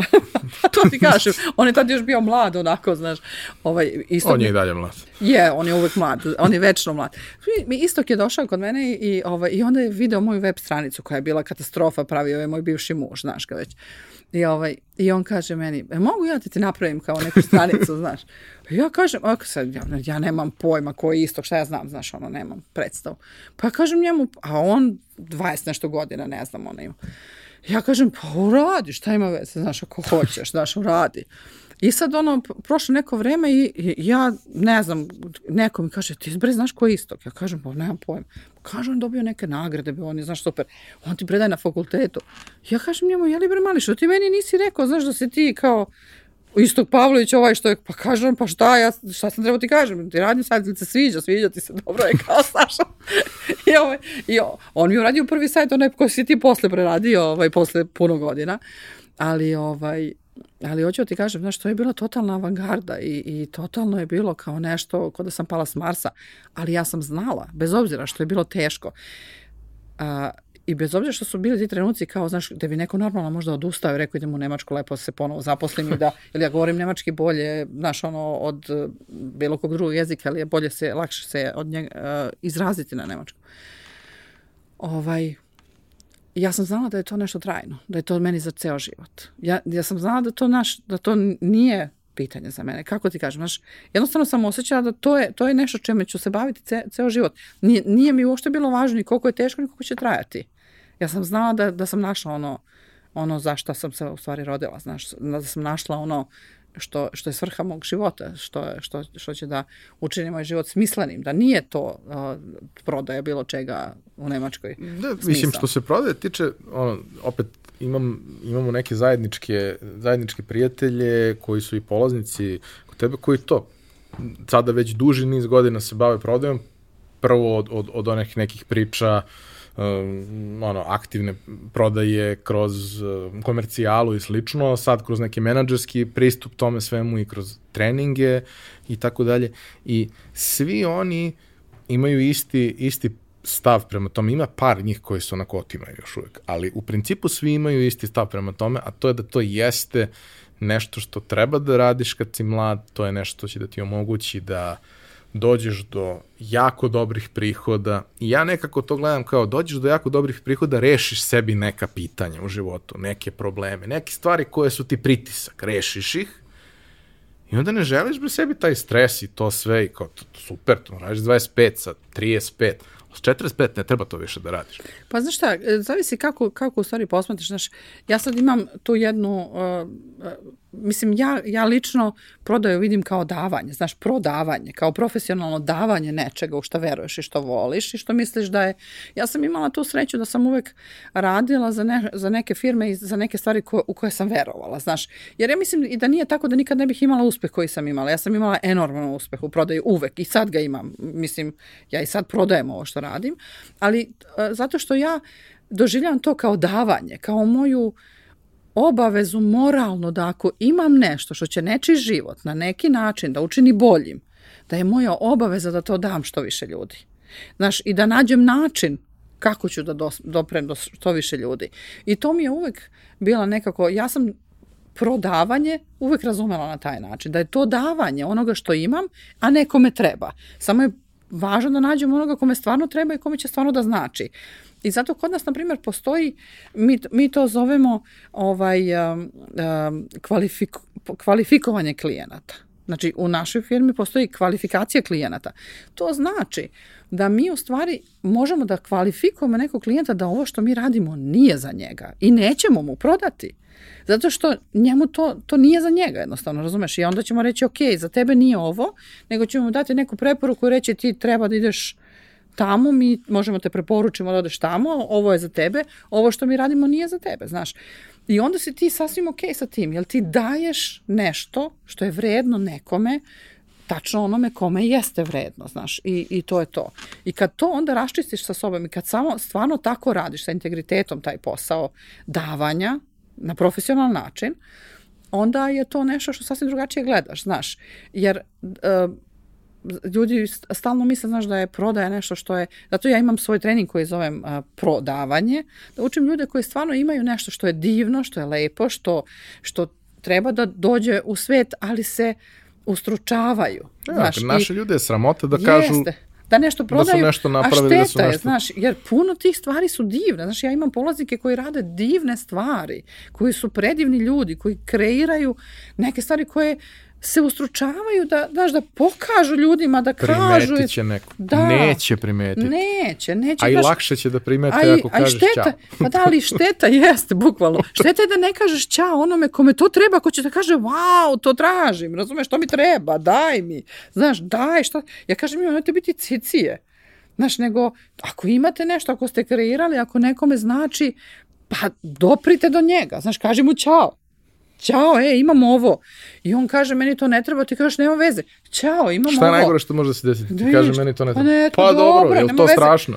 A, znaš, ali ne možeš posle da, da, da, da, da dođe da ti kaže meni je to trebalo, ti mi nisi rekao. Znaš, a ti to sve vreme imaš, a ne daš, znaš. Tako da to je poenta. Ovaj, I to je ono što ja isto učim ljude u, u tom prodavanju. Da zavole to i da su, da su da pristupaju drugim ljudima sa integritetom, sa puno ljubavi, i uvažavanja i da im stvarno daju ono što im treba i da im ne daju ono što im ne treba, jer to je onda izvor nevolje, znaš, za sve nas. Ono kako kažu, ako ne pitaš, odgovor je ne. odgovor je uvek ne, da. Ali ovako imaš barem 50% šanse da uspeš. A, voleo bih, a, e, pošto si rekla i pominjali smo to i u početku a, e, i, i kasnije, da m, postoje neki, neki treninzi i neki, neki ljudi, neke knjige i tako dalje, koji su ti jako puno značili na celom tom putu. Uh, I stvarno, ako pogleda tvoju biografiju, tu ima nekih uh, izuzetno impresivnih stvari. Uh, ti si i, i u, u stručnoj javnosti, u oblasti kojom se baviš vrlo, vrlo visoko i vrlo, vrlo cenjena i u, na nivou Evrope i na nivou globala, ali e, voleo bih e, sada kada, kada ljudi slušaju ovo i kada mogu da negde vide možda sebe u toj nekoj priči, da kažeš šta su neke šta su, ko su neki ljudi, e, neke knjige, neke edukacije koje su na tebe najveći utisak ostavile. Čisto da mo, to možda može da bude nešto što će neko ko se eventualno zainteresovao da kaže ok, možda ja treba da prelistam neku knjigu pre nego što dođem ili da pogledam neko predavanje ako ga ima ili prosto da, da ljudi vide šta je šta je to sve kroz šta si ti prolazila u prethodnom periodu na koji način je to transformisalo tvoj posao. Ono što je najviše u stvari uticalo na mene lično, nažalost ljudi ne mogu baš toliko ni da vide, jer to je bio jedan, jedan moj učitelj koga sam ja jako volala koji je dolazio iz Amerike svake godine u Srbiju i pomagao meni da kreiram ovde znao je da je to moj životni san i želeo je da mi pomogne.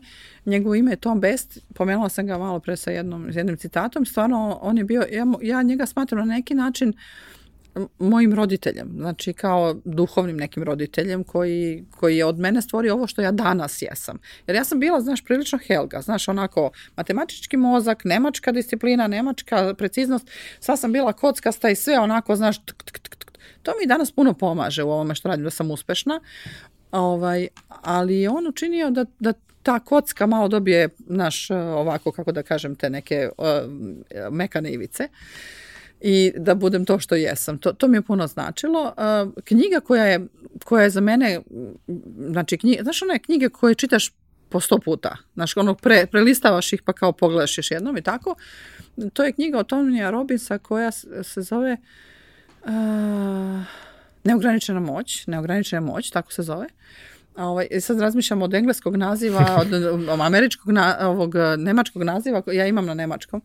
A ovde je prevedena, ja mislim, sa neograničena moć, fenomenalna knjiga, NLP knjiga posložena fenomenal, NL, Tony Robbins je u stvari NLP trener, on je radio i sa mojim učiteljem koji isto meni bio ovaj, uh, fascinantan, ja sam još 2003. godine išla kod njega na edukaciju, John Grinder koji je jedan od začetnika NLP-a, ali najviše u stvari u tome, kažem, je značio Tom Best i sad si na kraju si ovog svog pitanja rekao šta mi je najviše značilo za transformaciju mog biznisa. Za transformaciju mog biznisa najviše mi je značila ta edukacija kod Tonija Robinsa. Ta Business Master 1 i Business Master 2. Tu smo bili 2017. godine u Palm Beachu, pet dana i bili smo u Amsterdamu isto pet dana, Milan i ja. To nas je koštalo skoro 50.000 evra za nas dvoje.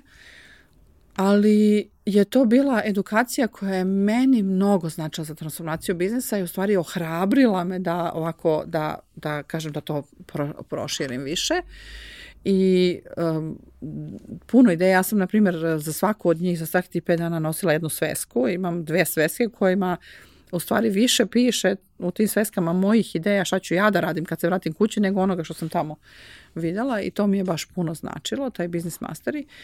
Ovaj, I puno mi je takođe značila uh, jedna moja učiteljica koju, koja je iz Australije, uh, kod koje sam, koja je bila jedna, jedan od učitelja. Ja sam imala na mom trenerskom treningu, uh, na mom prvom trenerskom treningu, ja, ja sam sve završila po više puta. Znači, pra, mi imamo... Temeljno. Da, mi imamo u, u NLP-u uh, imamo tri nivoa, znači NLP practitioner po kurikulumu, pa onda posle toga ide NLP master, pa posle toga ide NLP trener. I ja sam završila NLP practitioner osam puta.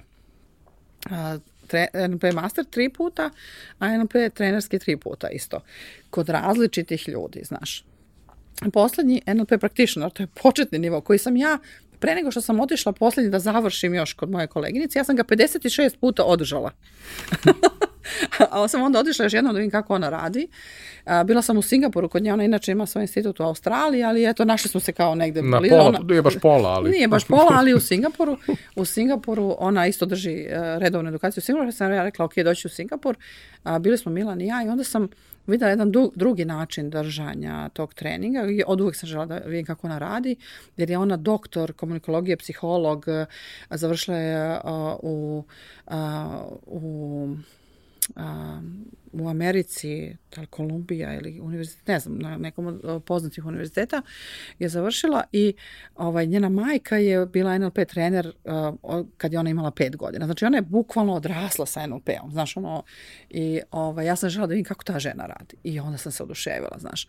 Tako da, uh, dr. Heidi Heron, nju jako volim, dr. Michael Hall, knjigu sam ti donala od njega, ovaj, zove se Bogatstvo počinje iznutra on je čovek koji me je oduševio svojom strukturiranošću i radom, čovek koji knjigu koju je napisao Bogatstvo dolazi iznutra, piše kako je u stvari on osam godina stvarao svoje bogatstvo. On je e, čovek koji ima više miliona evra, ali živi na način na koji živi, radi to što voli i stvarno, naš bogat je čovek, a ima princip kako je to postigao. Znači on je izučavao to i onda je koristio to i onda je to stavio u knjigu. Jako je dobro.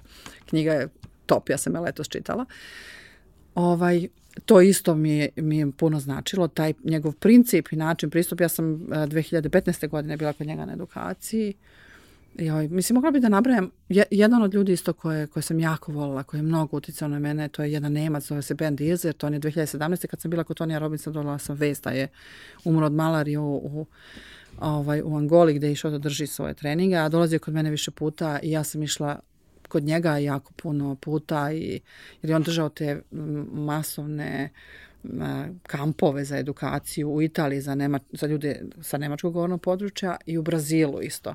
Ja sam tamo bila više puta i ja sam tamo bila jednom i 2015. godine, jel 15. bilo ili 16. 15. 16. sam u januaru, možda 16. januar, ne znam, ja sam bila glavni trener za trenerski trening u tom kampu u Brazilu, gde sam ja završila trenerski trening prvi moj i deset godina kasnije sam ja bila u stvari tamo ovaj, glavni trener za trening, trenerski, tako da i, i mislim, ti ljudi koji su na tom, u tom leadership summitu, Robert Diltz, na primjer, uh, Steven Gilligan, i, to su, sad ja pominjam, to niko ne zna ko su, znaš šta da ti pričam o tome. To. Dobro, ali mislim... Ljudi koji interesuje možda će znati, ali to su, danas su to moji kolegi i prijatelji, znaš, i, i Michael Hall je bio kod nas u Srbiji i ja sam nekako danas postala sa njima kao kolega i prijatelj. Znaš, ja kad odem, na primjer, na taj leadership summit, mnogi ljudi znaju zato što je, na primjer, um, predsednik asocijacije te londonske koja organizuje tu najveću londonsku, najveću svetsku konferenciju za NLP i tako dalje. I mi smo članovi te asocijacije u Londonu od skora, jer aplikacija je baš teška i dugotrajna, ali oni su bili kod nas i oni su 2018. u septembru bili kod nas uh, u Beogradu da vide kako mi radimo. I oni su bili šokirani. Znači, oni su bili u fazonu, da li je ovo moguće da neko ovako radi? On je nama rekao bukvalno, ja nikad u životu nisam video bolji institut od ovoga. Bukvalno. Kao ne, ja ne, ne tvrdim da u svetu ne postoji bolji, ali ja ne znam. Znači, ja nikad nisam video da neko bolje radi ovo. I oni, mene su sad pozvali kolege iz Londona da dođem da radim kod njih, da im pokažem šta rade. Dolazili su kolege iz Londona, više, više njih je dolazilo kod nas na praksu, da vide kako radimo. Znači, ljudi iz Londona su dolazili kod nas na praksu ovaj, i mi smo im pokazivali šta mi radimo, kako radimo i tako dalje. Nekima je bilo previše, znaš, no kao, vi, to, ja ne mogu toliko da radim, a neki su, na primjer, primenili i svoj biznis ovaj, mnogo, mnogo proširili. I mi smo držali, na primjer, i predavanja o biznisu, kako razvijati biznis koji je baziran na bazi NLP-a i coachinga na toj konferenciji u Londonu. Bili smo pozvani da pričamo, ljudi su bili oduševljeni i onda su, kažem, počeli da dolaze kod nas nakon tog predavanja, su rekli možemo mi da dođemo u Srbiju, mi su rekli dođite, kao koliko košta da nam pokažete. Mi kažu ne košta ništa, znaš, to je sad naš taj princip. Ne košta ništa, kolege. Ali zato danas u svetu NLP-a svako ko, ono, svako zna moje ime, zna ko sam ja, znaš. I, ovaj, I meni je to drago, zato što ja stvarno želim da im pomognem, jer mislim da puno njih su ex, excellent treneri, fenomenalni treneri, ali su loši preduzetnici. Naravno, te stvari često nisu da. vezane jedna, jednu uz drugu. A, pominjala si da ste relativno, kažemo, rano za, za naše pojmove svakako ušli u priču sa online treninzima. Uh, ima primjera, nije, nije vaša priča jedina, ima primjera ovde gde, gde su ti online treninzi uh, mnogima koji su radili neke specifične edukacije dosta toga doneli jer prosto ti omogućavaju da i ljudi iz dijaspore, iz drugih vremenskih zona, ukoliko ih tematika zanima, mogu da, da odslušaju. Druga stvar, takve stvari u najrazvijenijim zemljama su najčešće neuporedivo skuplje i ne može uvek baš svaku sebi da ih priušti. Ovde se negde otvara mogućnosti za tako nešto, ali je to značilo i da ste se vi pripremili za ono što, što je pandemija donela pre nego što je ona došla. A uh, upravo u tom poslu uh, edukacija, kurseva, treninga, uh, bilo je velikog interesovanja, mnogo ljudi je radilo svašta besplatno na početku svega Just. toga, ali devet meseci kasnije većina tih ljudi su u jako velikim problemima jer jednostavno ono na čemu su bazirali svoj način poslovanja i, i, i život i egzistenciju više nije moguće, ne znamo kada će biti moguće, a oni se nisu adaptirali uopšte na, na, na tokove, čekajući pa da proći će desit će se. Da.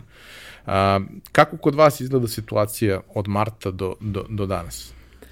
2020. godina je bila za nas godina u kojoj smo u kojoj sam ja, ne kažem mi, nego ja bukvalno sam morala da donesem mnogo velikih odluka. Znači, mnogo velikih i teških, i do, ali dobrih odluka.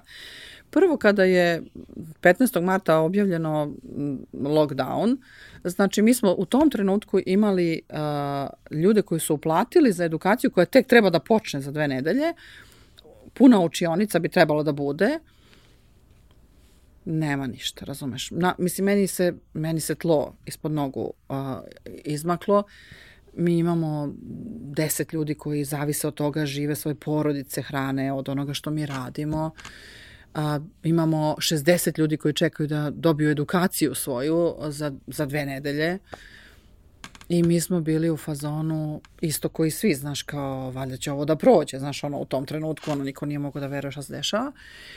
I neki naši kolege iz Londona su nam javili kako oni rade na Zoomu. Počeli su nešto kao ne može sve na Zoomu, ali kao ajde, kao malo rade nešto na Zoomu.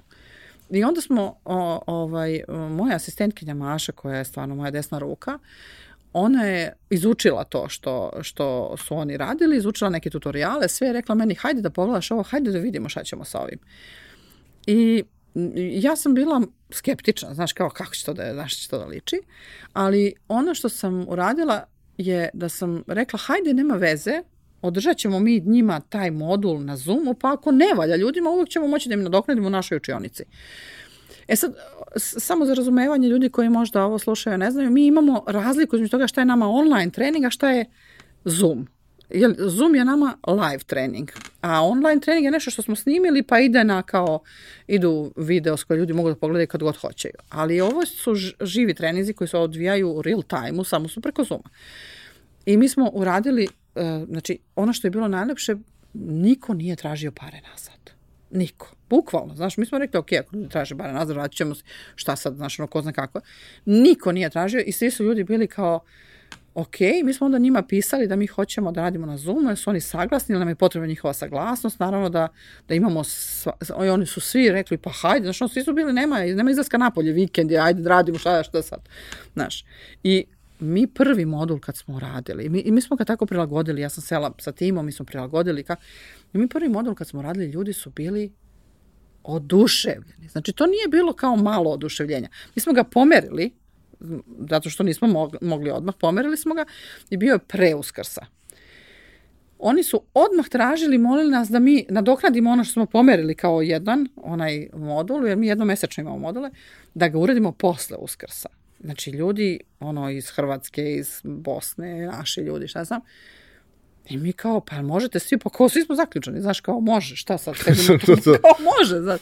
I mi kao, ajde važi, pa i mi smo zaključani, ajde održat ćemo te sledeći modul odmah za dve nedelje. I mi smo održali taj drugi modul, oni su toliko bili oduševljeni, znaš. I mi smo bili kao, wow, ovo je jako dobro, znaš. I onda su shvatili da nema onog, znaš, ometanja u pauzama. Da ne...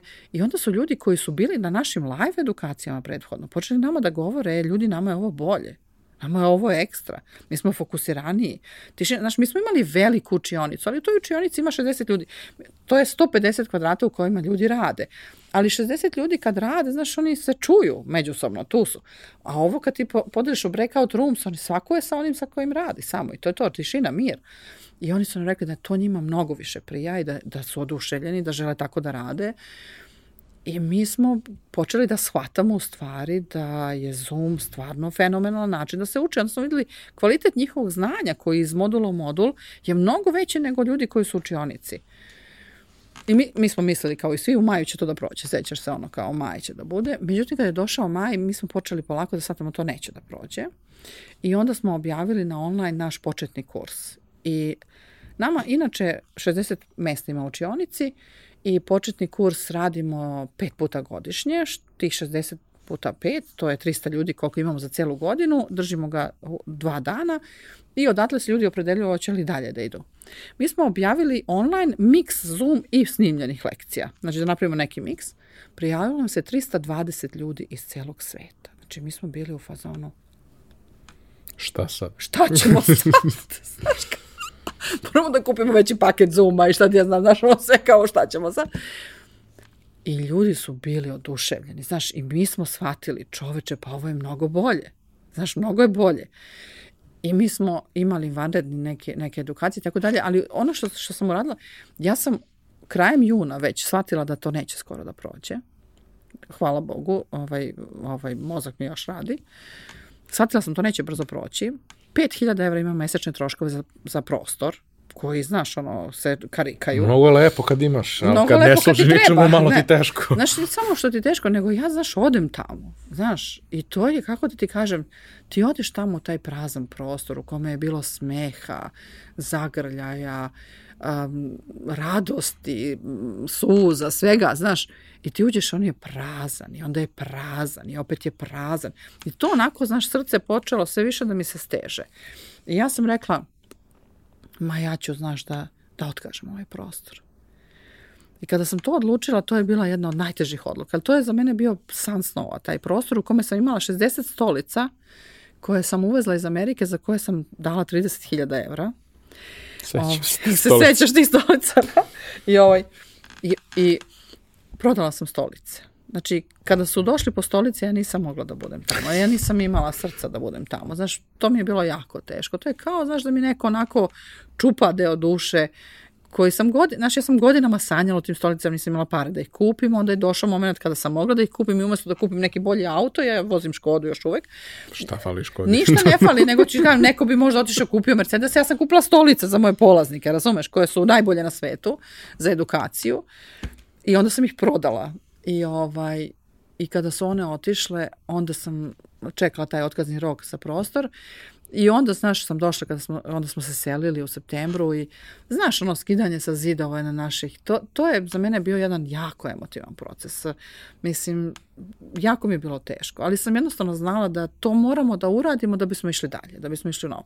Ali ono što je ključno u stvari bilo, mi smo krajem juna um, shvatili da asocijacija dozvoljava, znaš, da radimo preko Zuma, ali ne dozvoljava sertifikaciju preko Zuma.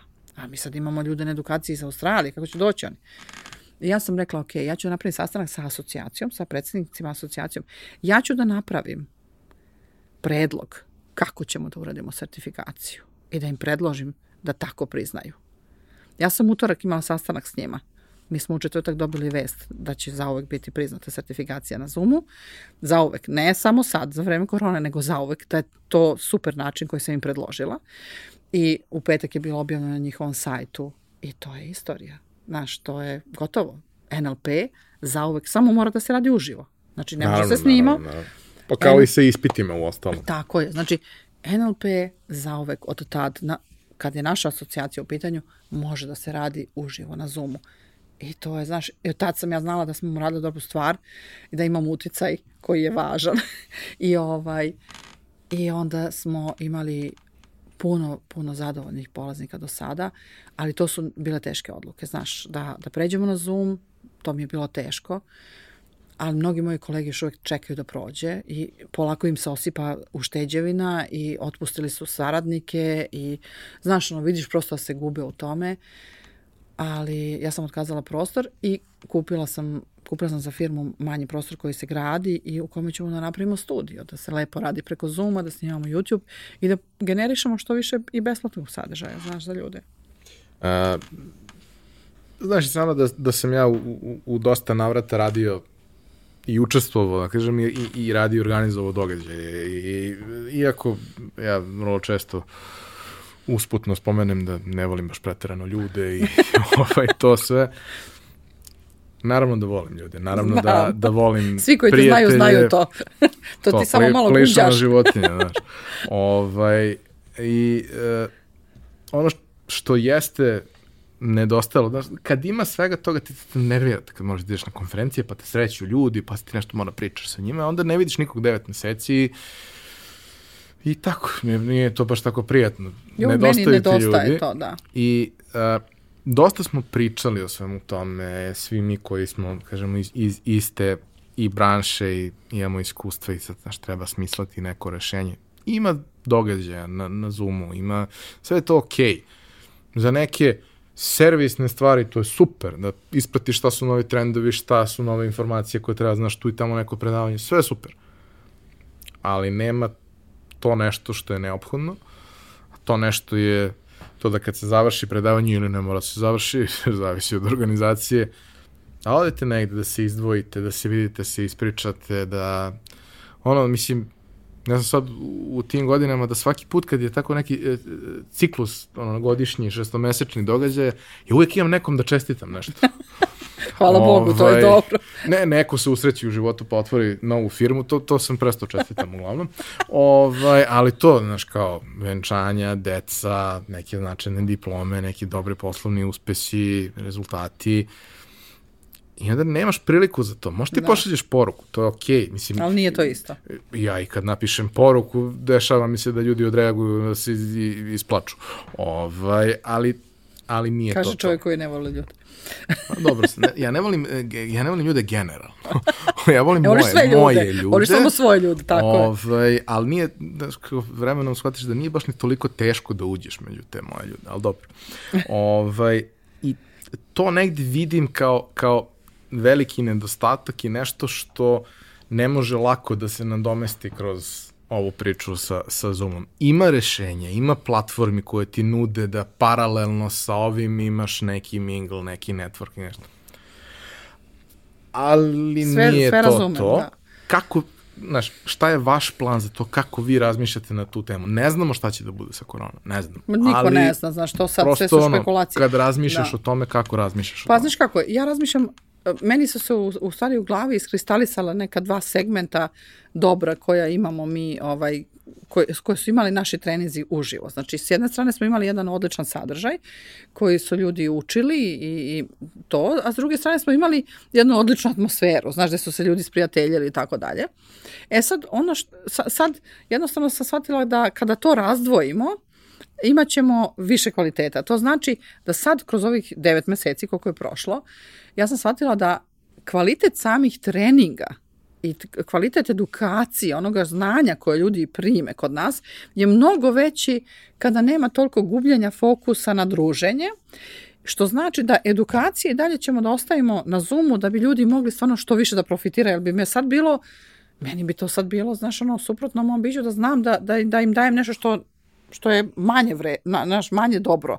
Tako da ćemo ostati ovo, ali to druženje nam nedostaje. Znaš, i nama nedostaje, i mom timu nedostaje i mi želimo da stvarno te ljude nekako, da se oni upoznaju, da mogu, naravno mi ne znamo kada će to biti moguće, ali čim bude bilo moguće, mi planiramo da napravimo druženja, da, da osmislimo druženja pa da mogu da dođu ljudi da planiraju dugo napred, pa dođu iz Kanade, iz Australije, jer oni imaju nekog svog ovde pa će voliti nekada da dođu, znaš, pa mogu i tad da dođu i da se onda upoznaju, da se dodirnu, da se zagrle, da pričaju. Znači, da oni, samo te stvari koje su bile zajedno Da. budu odvojeno. Tako Svaka je. fokusirana na sebe.